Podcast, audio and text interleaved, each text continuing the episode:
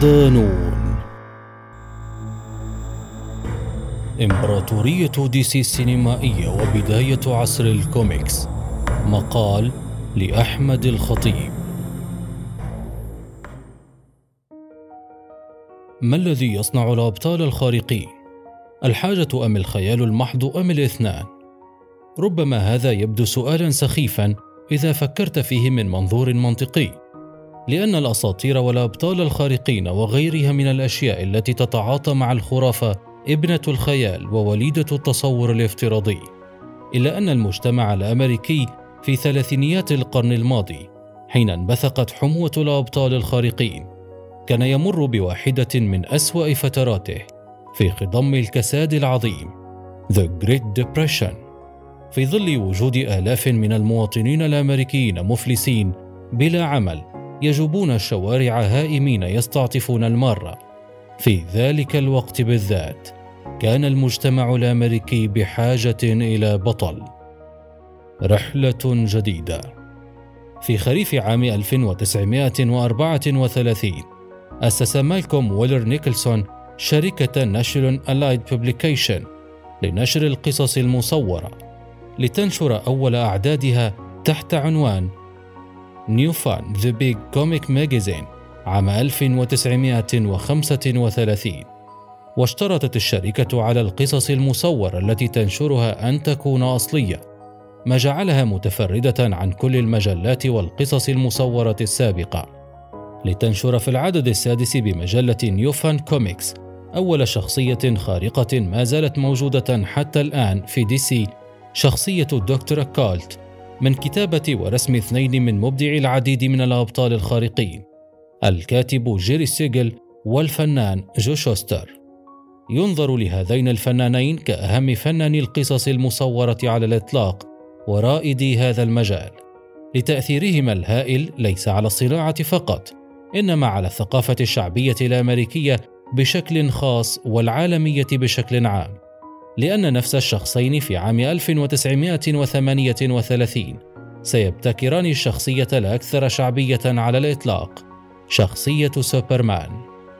عام 1936 غير ويلر اسم المجلة إلى Detective Comics التي من بين الشخصيات العديدة التي ستنشرها ستصدر في العدد 27 لعام 1939 شخصية الرجل الوطواط باتمان الأيقونية بحضورها الشعبي الغامر الذي يضاهي في سطوته حضور سوبرمان الإلهي.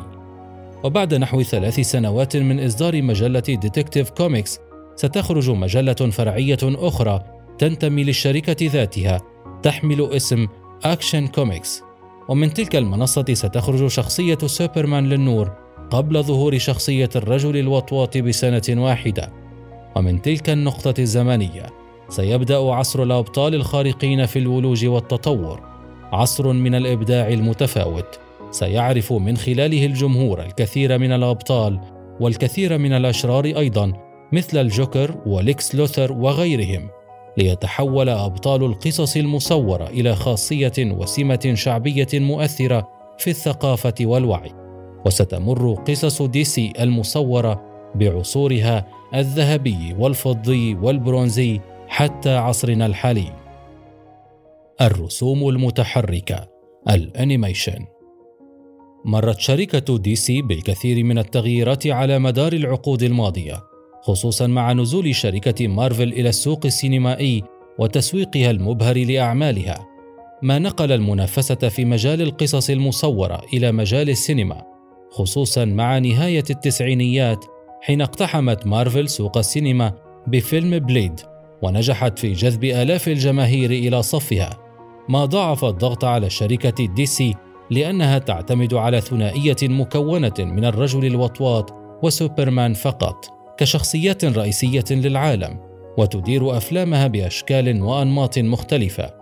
لكن الثيمة الأساسية مهما كانت قوية ستخفت مع مرور الزمن إذا لم تمر بعملية إبداعية معقدة تمنحها شكلا جديدا كليا. لذا كان يجب على الشركة أن تأخذ خطوة للخلف وتعيد التفكير في الثنائي المقدس خلال مخطط سينمائي تجاري في داخله. مع نهاية التسعينيات وبداية الألفية الجديدة كان من الصعب على شركة دي سي أن تغامر بفيلم عن إحدى الشخصيتين مرة أخرى تجنبا للفشل التجاري واستنساخ الأنماط السابقة لكن لحسن الحظ فقد طورت دي سي سلسلة رسوم متحركة موازية عبارة عن مجموعة من الأفلام المسلسلات التي لا تكلف ميزانيتها أكثر من خمسة أو ستة ملايين دولار خصوصا مع ظهور أقراص ال DVD في السوق ما ساعد على ترويجها بشكل جيد والاستفادة منها على عدة أصعدة. فقد ساعدت على سد نهم بعض من محبي وداعمي دي سي من خلال مستوى فني جيد بجانب قدرتها على تحريك المياه الراكدة تجاريا وفنيا. ومن هذه الأفلام فيلم Batman Mask of the Phantasm للمخرجين بروس تيم وإيريك رادومسكي عام 1993 وفيلمان للمخرج كورت جيدا Batman Beyond Return of the Joker عام 2000 و Batman Mystery of the Batwoman بجانب مسلسلي الرجل الوطواط عام 1992 وعام 1997 بجانب نسخة 1999 بالإضافة لمسلسل سوبرمان عام 1996 وهذا منح دي سي أفضلية على مستوى الرسوم المتحركة. وأصبح عالمها الموازي يمتد طبقا للقصص المصورة مرورا بفرقة العدالة وغيرها من التفريعات التي تجعل العالم أكثر تعقيدا مع إبقاء النزعة الظلامية والجو القاتم. العودة للأفلام. لدى دي سي تاريخ هائل من الأفلام الناجحة بيد أننا سنسلط الضوء على الشركة بداية من الألفية الجديدة. التي بدورها تعتبر مجالا للصدام بين الشركتين الأعظم في تاريخ الصناعة السينمائية على المستوى التجاري. في 2003 بدأت دي سي تجربتها الأولى داخل الوسط الجديد وهنا يبدو الوسط السينمائي التجاري جديدا ومختلفا بسبب حضور تقنيات الجرافيك وال CGI بشكل معقول وله حضوره. لهذا دخول الألفية أدخل نوعا سينمائيا جديدا وأنتجت الشركة فيلم League of Extraordinary Gentlemen بطولة النجم العظيم شون كونري مقتبس عن قصة مصورة للكاتب العبقري ألان مور والفنان كيفن أونيل. لكنه لم يبل حسنا داخل السوق بالإضافة إلى المشاكل التي واجهت الفيلم داخليا بين الممثلين. لتساهم الشركة في إنتاج فيلم كات وومن عام 2004 ويخفق على عدة مستويات. أولها الإخفاق الجماهيري سواء التجاري في شباك التذاكر أم في أن يظهر بمستوى مرض لعشاق القصص المصورة بجانب الإخفاق النقدي غير المسبوق للفيلم ليصبح فيلما ليس له علاقة بالقصص المصورة أو بالفن بشكل عام. وبذلك تعجز ديسي عن إطلاق مشاريع أساسية يمكن أن تتحول إلى سلسلة تجارية فرانشايز وتتجه مرة أخرى إلى إصدار أفلام الرسوم المتحركة بتكلفة أقل وخطر أقل. المخلص ثلاثية نولان كان على دي سي أن تتحرك بحذر حتى لا تخسر أكثر مما خسرته خلال الفيلمين السابقين فكان عليها أن تعيد هيكلة شخصياتها برؤية جديدة كليا رؤية طازجة تنتمي للحاضر تعني بأنماط سردية جديدة وتكشف مناطق مختلفة داخل الشخصيات. لهذا اختارت الشركة المخرج الإنجليزي الواعد كريستوفر نولان الذي كان في بداية عقده الثالث ولا يحمل في رصيده إلا ثلاثة أفلام طويلة حققت نجاحا جيدا. فيلم Following عام 1998 أول أفلامه الذي حصل على إشادة نقدية كبيرة في عدة مهرجانات عالمية. ثم فيلم Memento عام 2000 ليأخذ فرصة إخراج فيلم بحجم Insomnia عام 2002 بطولة آل باتشينو وروبن ويليامز. الجدير بالذكر أن أفلام نولان تتميز بأجواء قاتمة مثيرة وهذا ما دفع دي سي لمنحه ثقة إخراج فيلم بحجم Batman Begins عام 2005 وإعطائه الضوء الأخضر لبدء العمل على قصة أصلية بالمشاركة مع ديفيد إس جويور في عالم منفصل تماما عن القصص المصورة. يعرض رؤية للشخصية في مساحة مختلفة ويمنحها فرصة لالتقاط الأنفاس خارج إطار ال comic. لكن على الناحية الأخرى يضع ضغطا كبيرا من محبي ال comic إذا لم يظهر المنتج بالشكل المطلوب. لكن هذا لم يوقف الشركة عن تخصيص ميزانية 150 مليون دولار. ودعم الفيلم بزمرة من النجوم مثل كريستيان بيل ومايكل كين وغيرهم ليحصد ما يقارب 400 مليون دولار في شباك التذاكر.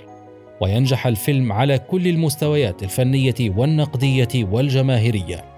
هذا النجاح دفع الشركة للاستمرار وتجديد الثقة بمخرجه في الفيلم الثاني والأضخم في ذلك الوقت بميزانية 185 مليون دولار.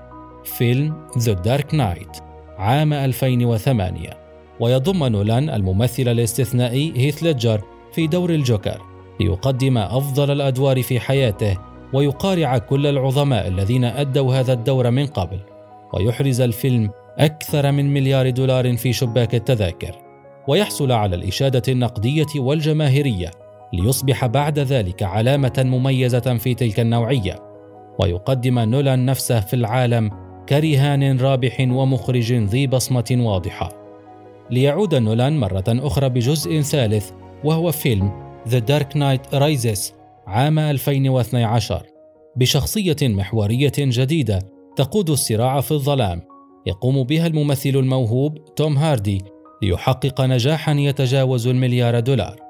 وينجح هاردي رغم حمى المقارنات بين أدائه لشخصية باين وأداء ليدجر لشخصية الجوكر. ليصبح الفيلم الأخير لنولان مع دي سي ويقرر نولان ترك الرجل الوطواط والاتجاه لمشاريع أخرى إلا أنه دون شك أنعش شخصية باتمان مرة أخرى فأعادها للساحة تجاريا وبقوة وحتى على المستوى النقدي. لذلك يعد نولان واحدا من أكثر الشخصيات تأثيرا على صناعة الأبطال الخارقين ودي سي بشكل خاص. فقد وضع قدمه على الطريق الصحيح لتبدأ دي سي السير والمواجهة من جديد بميزانيات ضخمة. نجاحات وإخفاقات منفردة.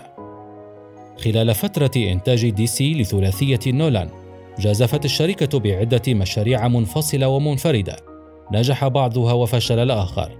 ففي عام 2005 أنتجت الشركة فيلم كونستانتين بطولة كيانو ريفز وإخراج فرانسيس لورانس مقتبس عن قصة للكاتب ألان مور وكان من المقرر إذا نجحت الشخصية أن تتحول إلى سلسلة أفلام ورغم الأداء الجيد وردود الفعل النقدية الجيدة لم يحقق الفيلم النجاح الجماهيري المنتظر من محبي القصص المصورة وجنى ارباحا متواضعة في شباك التذاكر. عادت الشركة بمشروع آخر عام 2006 بميزانية متوسطة. فيلم V for Vendetta مقتبس عن قصة مصورة تحمل نفس الاسم للكاتب ألان مور والفنان ديفيد لويد من إخراج جيمس ميكتيغ يتناول الفيلم موضوعا جريئا في سياق سرديته ويسلط الضوء على العنف الثوري كوسيلة قاطعة ونهائية ضد السلطوية الحاكمة. ونجح الفيلم في إرضاء محبي ال comic والجماهير بشكل عام. لتغامر الشركة بعده بفيلم آخر بميزانية هائلة بيد أنه كان من الطبيعي المراهنة على عودة سوبرمان كما حدث مع باتمان. ودي سي في ذلك الوقت كانت منتعشة بنجاح فيلمها الأول في ثلاثية باتمان. لذلك شجعتها نجاحات المخرج براين سينجر السابقة في سلسلة أفلام X-Men على وضع ميزانية تضاهي نحو 270 مليون دولار في فيلم Superman Returns. كان من المفترض أن يكون الفيلم مستهلا لسلسلة من الأفلام إلا أنه تحول مع إصداره في السينما إلى خيبة أمل كبرى تجاريا بحصده نحو 390 مليون دولار في شباك التذاكر ونقديا وجماهيريا. لم يكن الفيلم مرضيا على جميع الأصعدة ما أجل مشروع سوبرمان لسنوات عديدة وحسب كتاب مختصر تاريخ أفلام القصص المصورة للكاتبين ريتشارد جراهام وويلز ديكسون. فقد صرح المخرج براين سينجر عن فيلمه في عام 2013 لم يكن الأمر كما يجب أن يكون. أعتقد كان يجب علي شد انتباه الجمهور أسرع قليلا. لا أعرف ما الذي كان سينجدني. ربما لا شيء. إذا كان بإمكاني العودة مجددا سأصنع عملا أصليا. سأصنعه من نقطة الصفر كان قرار التوقف عن إكمال سلسلة سوبرمان حكيما. لأن الشخصية ستذهب إلى عهدة المخرج زاك سنايدر الذي سيضع حجر الأساس لعالم DCEU ليصبح المسؤول عن الإخراج الإبداعي لأضخم مشروع تصنعه شركة دي سي. عالم DCEU زاك سنايدر. بدأ زاك سنايدر حياته المهنية بإخراج كليبات music videos ودخل مجال الأفلام الروائية الطويلة من باب أفلام النوع. فكان أول أفلامه الطويلة فيلم الرعب Dawn of the Dead عام 2004 ثم أخرج بعدها بعامين فيلمه الأشهر في ذلك الوقت فيلم 300 عام 2006 الذي حقق نجاحا كبيرا وضمن له صدى جماهيريا جيدا يؤمن له مغامرته القادمة مع شركة دي سي في فيلم واتشمان الذي يصنف واحدا من أفضل أفلام الأبطال الخارقة على الإطلاق.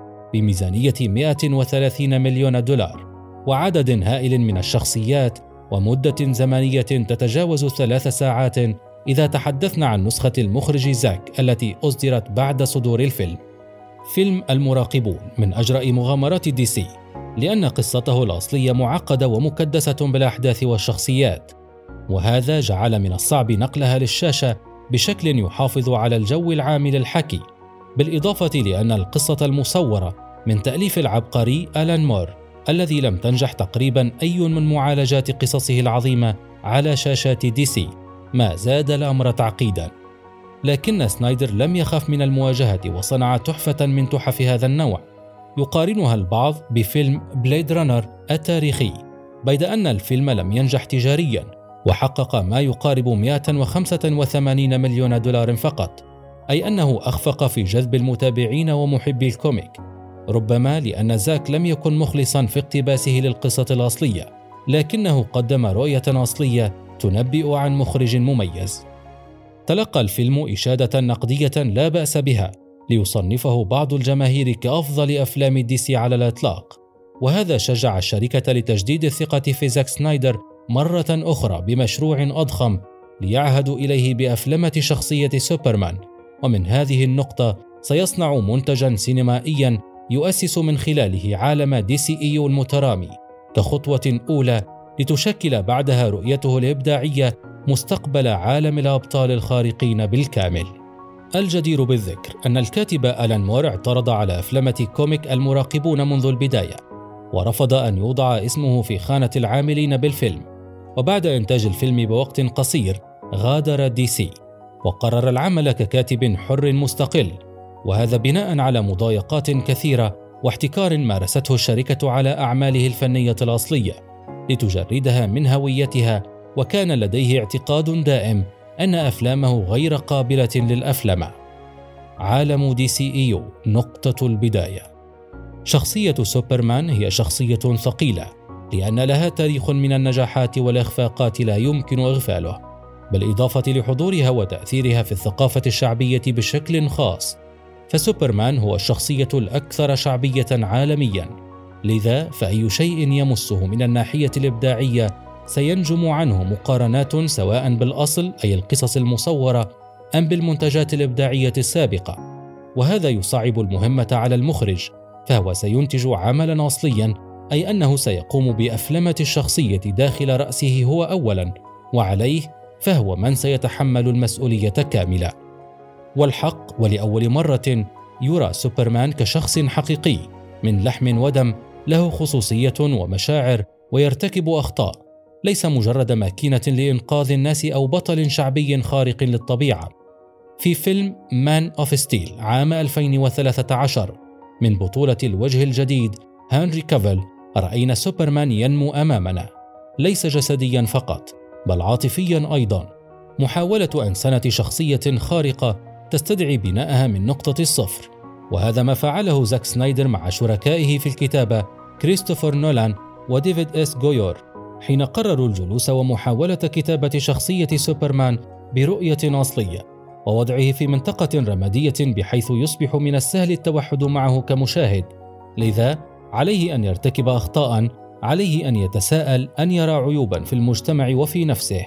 وعلى هذه النظرية تأسس الفيلم بميزانية 225 مليون دولار ليحصد أكثر من 660 مليون دولار في شباك التذاكر. ربما لم يكن هذا الرقم الذي تنتظره شركة دي سي لكنه على الأقل حقق نجاحا جماهيريا ومهد لأفلام أخرى بعده. بعد ذلك الفيلم سيفكر سنايدر في مشروعه القادم. الذي كان يبدو أكثر جنونا وخطرا من كل ما سبقه. مشروع سيواجه فيه باتمان قرينه سوبرمان ويقول سنايدر عن ذلك حسب كتاب مختصر تاريخ أفلام القصص المصورة. جراء الانتهاء من فيلم Man of Steel بدأنا الحديث عما يمكن أن يحدث في الفيلم القادم وبدأت الإشارة إلى أنه سيكون مثيرا إذا واجه الرجل الوطواط. لسوء الحظ حصد المشروع الثاني في عالم DCEU فيلم Batman v Superman Dawn of Justice نحو 870 مليون دولار ولم يتجاوز المليار. وهذا يعتبر اخفاقا تجاريا بالإضافة للانتقادات اللاذعة التي توجهت له من الجماهير والنقاد بسبب القصة الساذجة والكتابة السيئة.